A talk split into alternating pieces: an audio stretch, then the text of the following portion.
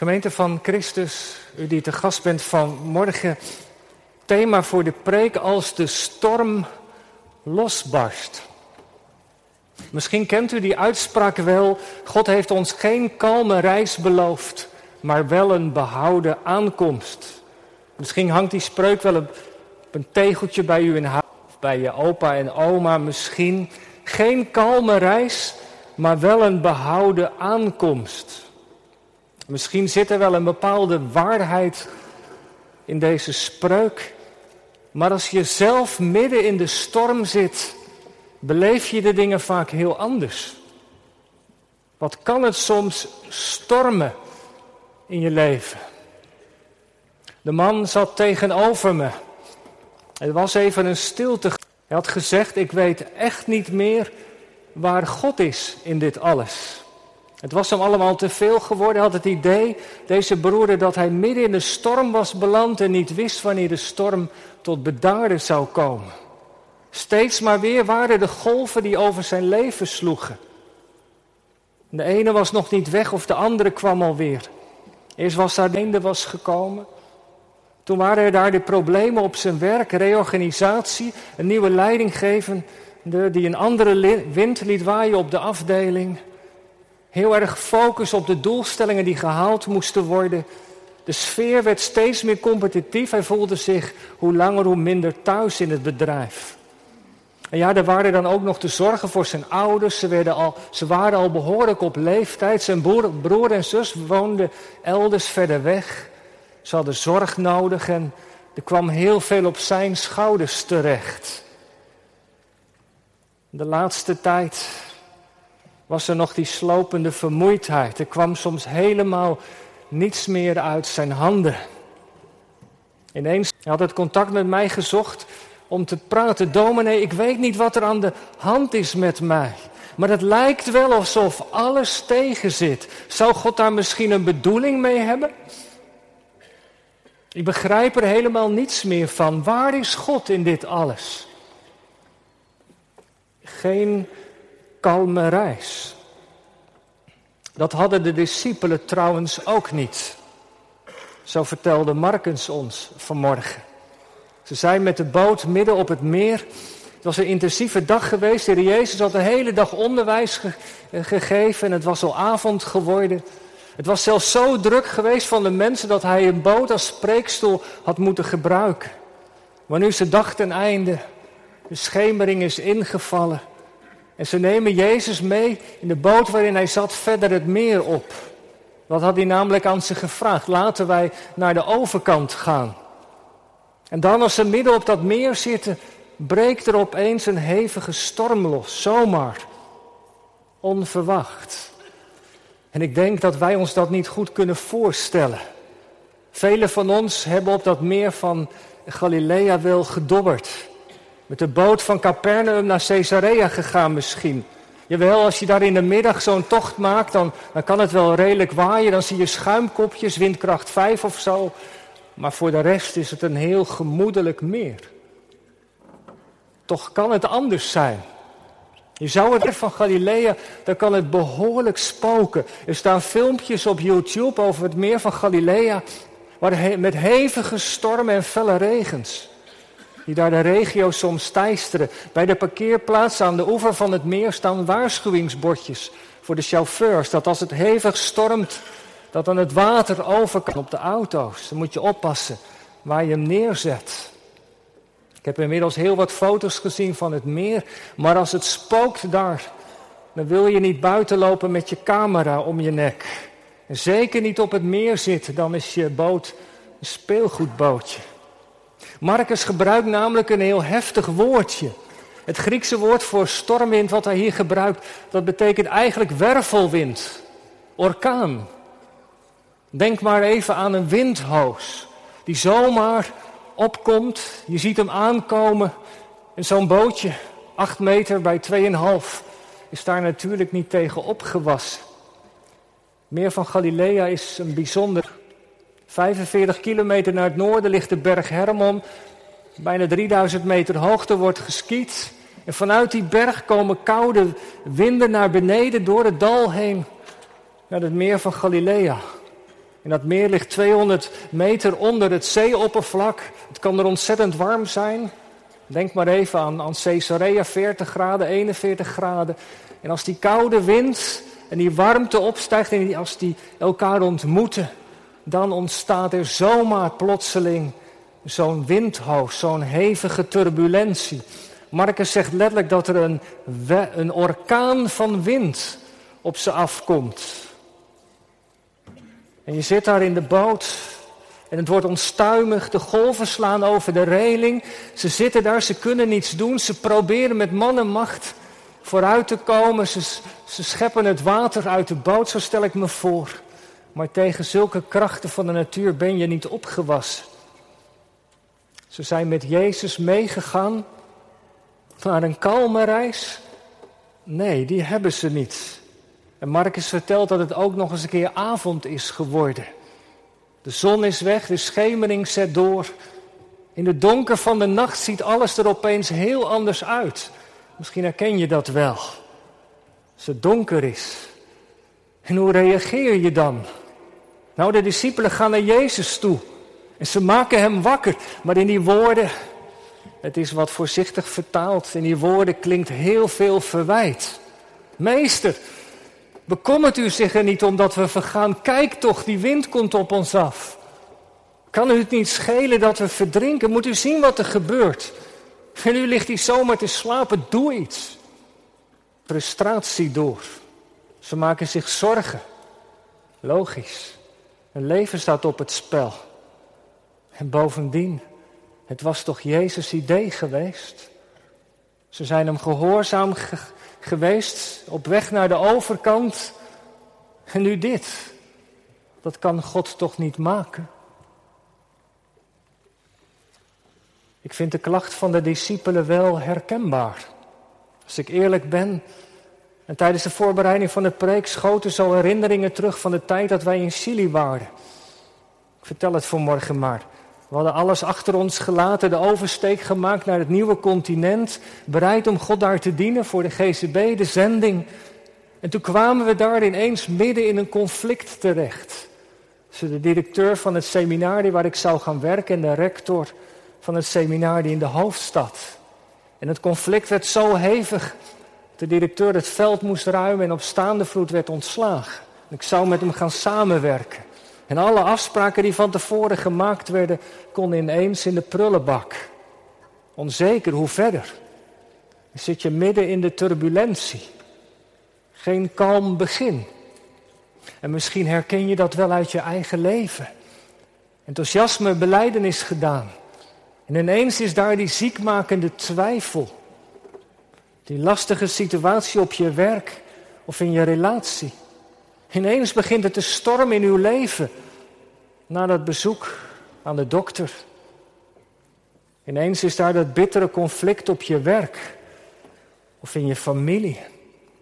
Ineens valt er zomaar over je leven die donkere schaduw van zorg en moeite. En je hebt net een nieuwe stap gezet van toewijding aan de Heer, van intensiever gebed misschien. Waarom Waarom wordt alles bij mijn handen afgebroken? vroeg die broeder die op bezoek was. Waarom voel ik mij zo leeg? Zo kan er aan ons leven geschud worden. Onze levensboot kan zo heftig op en neer gaan. Het waait hevig, er zijn golven in je gezin, op je werk, in de kerk misschien. Het kan zomaar moment komen dat je, dat je het uitroept. Help, ik weet niet hoe het verder moet. Heb je dat wel eens? Misschien komt zo'n herinnering wel bij je boven nu. En het lijkt wel alsof Jezus slaapt. Heb je die gedachten soms niet, u? Heb je sombere momenten? Waar is God in dit alles? Kan u niet schelen wat er gebeurt met mijn leven? Geen kalme reis. Maar er is één ding dat alles anders maakt bij de discipelen. En dat is, Jezus is erbij. In de storm, in de boot. Geen kalme reis, Al zweept de storm ons voort, wij hebben vaders zoon aan boord, zegt een oud lied. En weet u, Marcus heeft dit evangelie geschreven in het jaar 65. Marcus is de secretaris geweest van de apostel Petrus. Het Marcus-evangelie is het getuigenis van de apostel Petrus en Marcus heeft het op schrift gesteld. Dat is in de stad Rome gebeurd.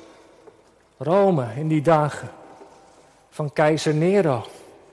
In het jaar 64, een jaartje eerder, is er een grote brand geweest in Rome. En de mensen wilden de keizer ervan beschuldigen. En toen zocht Nero een zondebok. En die vond hij in de christenen, de volgelingen van de Jezus. En hij heeft ze op een gruwelijke manier om het leven gebracht.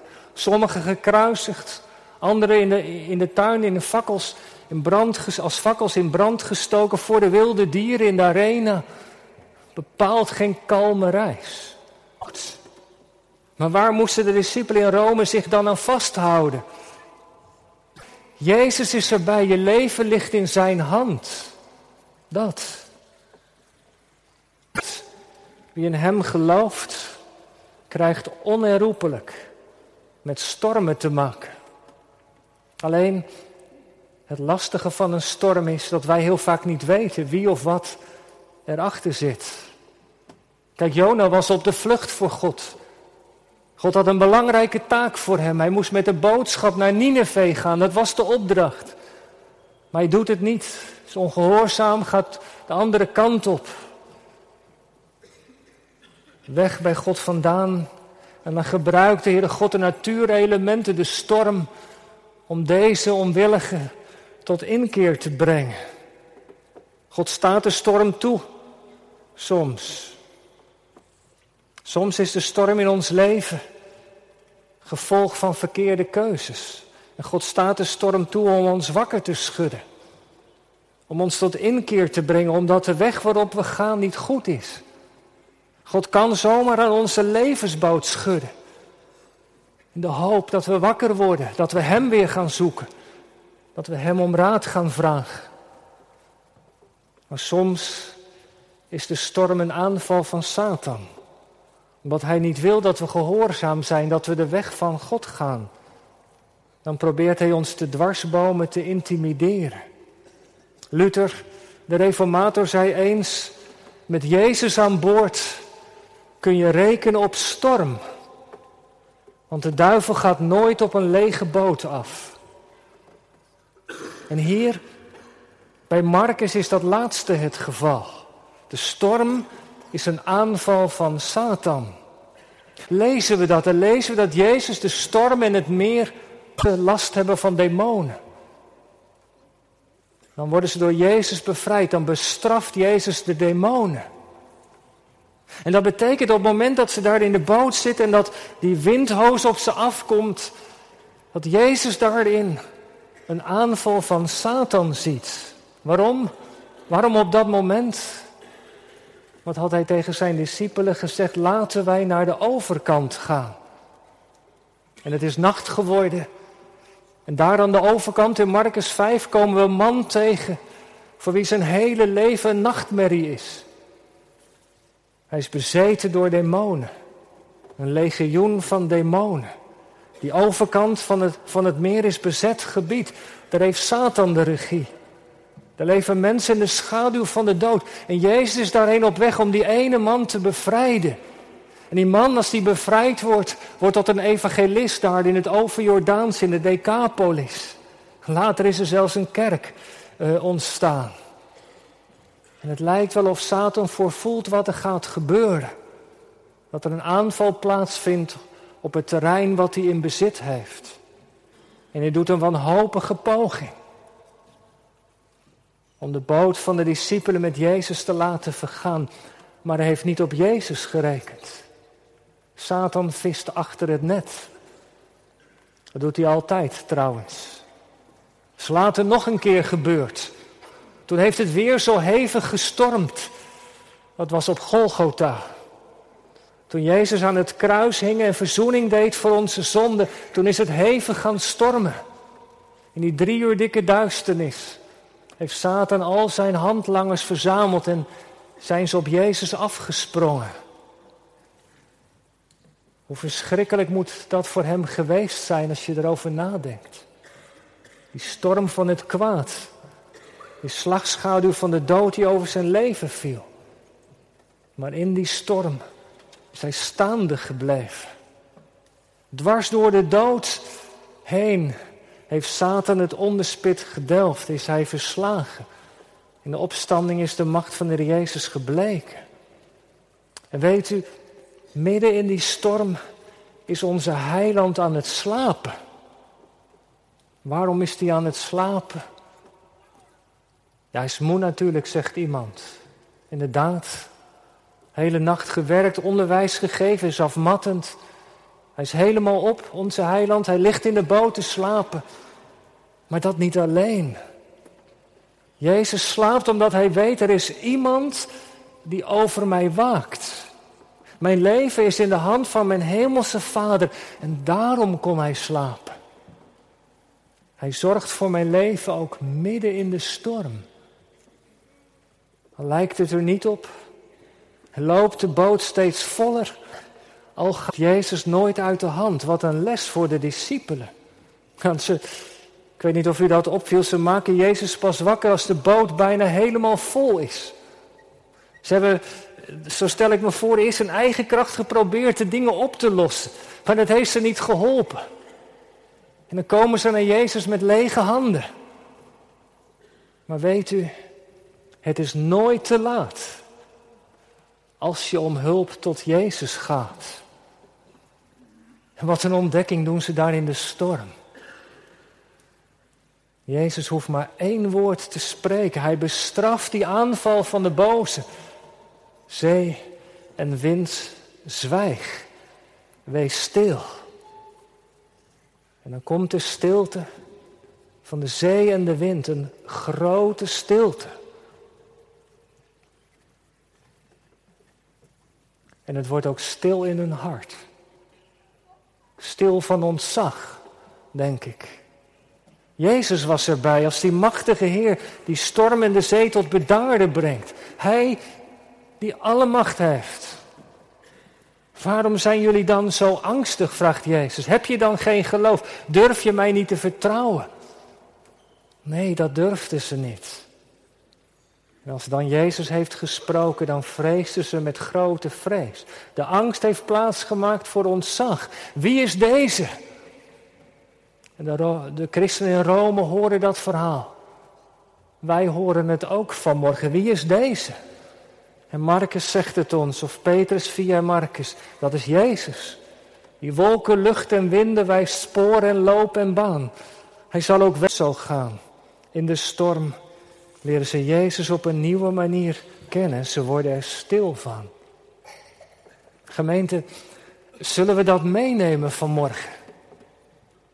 Dat we in ons leven niet naar de golven moeten kijken, naar de storm, maar naar Jezus. Ons leven ligt in Zijn hand. Ik ben veilig in Jezus' armen. Hij is de Heer van mijn leven, ik ben van Hem. Hij gaf zijn leven om mij te redden van de dood. Mij te reinigen van mijn zonde. Hij heeft alles gedaan om mij te behouden. Op Golgotha heeft hij zelf de zwaarste storm getrotseerd. Zou ik dan nog bang zijn voor de golven? Jezus is Heer over elke storm in ons leven. Jezus is machtiger dan welke moeilijke situatie ook. Kijk niet naar de golven, maar kijk naar Jezus. En zeg niet tegen God hoe groot uw probleem is, maar zeg tegen uw probleem hoe groot God is. En weet u, daar moeten we elkaar bij helpen. We zijn aan elkaar geschonken om elkaar daarbij te helpen, om elkaar aan te sporen. Kijk niet naar de omstandigheden, maar kijk naar Jezus. Waarom? Omdat er altijd van die stemmetjes in ons hoofd zijn. Herken je dat? Misschien zijn we wel vol vertrouwen vertrokken, afgemeerd. Het was mooi weer. Maar toen kwam er daar die storm. Toen kwamen daar die stemmen. Joh, waarom zou je daar nou mee verder gaan met dat geloof? Merk je nou van God in je leven? God ziet je toch niet staan. Waarom zou je nou in de gemeente, in de Bijbel, het gebed investeren? Levert je dat nou echt wat op? En als ik dan zo door stemmen en twijfel word geplaagd, dan heb ik een medebroeder en een medezuster nodig. Die tegen mij zegt, en toch Gerrit, houd vol. Hij laat niet los. Wat zijn hand begon. Ik heb het ervaren in mijn storm. Hij zal jou ook helpen. Weet je, als iemand dat tegen je zegt, dan kun je weer verder. En vandaag, ik ga afronden. Vandaag geeft God ons een teken van zijn trouw. In de doop. Drie kinderen worden er gedoopt. En ik zal vanmorgen ruim water gebruiken. Want dat water, dat is een symbool. Dat is vanmorgen een symbool van die stormen en die golven die over je leven kunnen slaan. Die, die golven die kunnen slaan over dat leven van ons kwetsbare kind. Maar dan is daar die hand van God. Die in dat water zegt, jij bent van mij. Jezus heeft zijn leven voor je gegeven. Jezus, dat is het enige fundament dat stand houdt in de storm. Jij bent van mij. En dat is geen lege boot. Aan de boord van ons levensschip. En mag ik je vragen, u, jou, heb je de Heer Jezus uitgenodigd om in je levensboot te komen? Want zonder Jezus neemt de duivel ons te grazen en kunnen wij de overkant niet halen. Maar met Hem kunnen we elke storm trotseren. Want Hij houdt ons staande en dat is het geheim van een christen. In welke storm dan ook, ik weet. Jezus is erbij. Want dat is zijn naam, toch? Immanuel, ik zal er zijn. Geloof het evangelie. En stel je vertrouwen maar op de Heer Jezus. Want in zijn hand ligt heel je levenslot. Amen.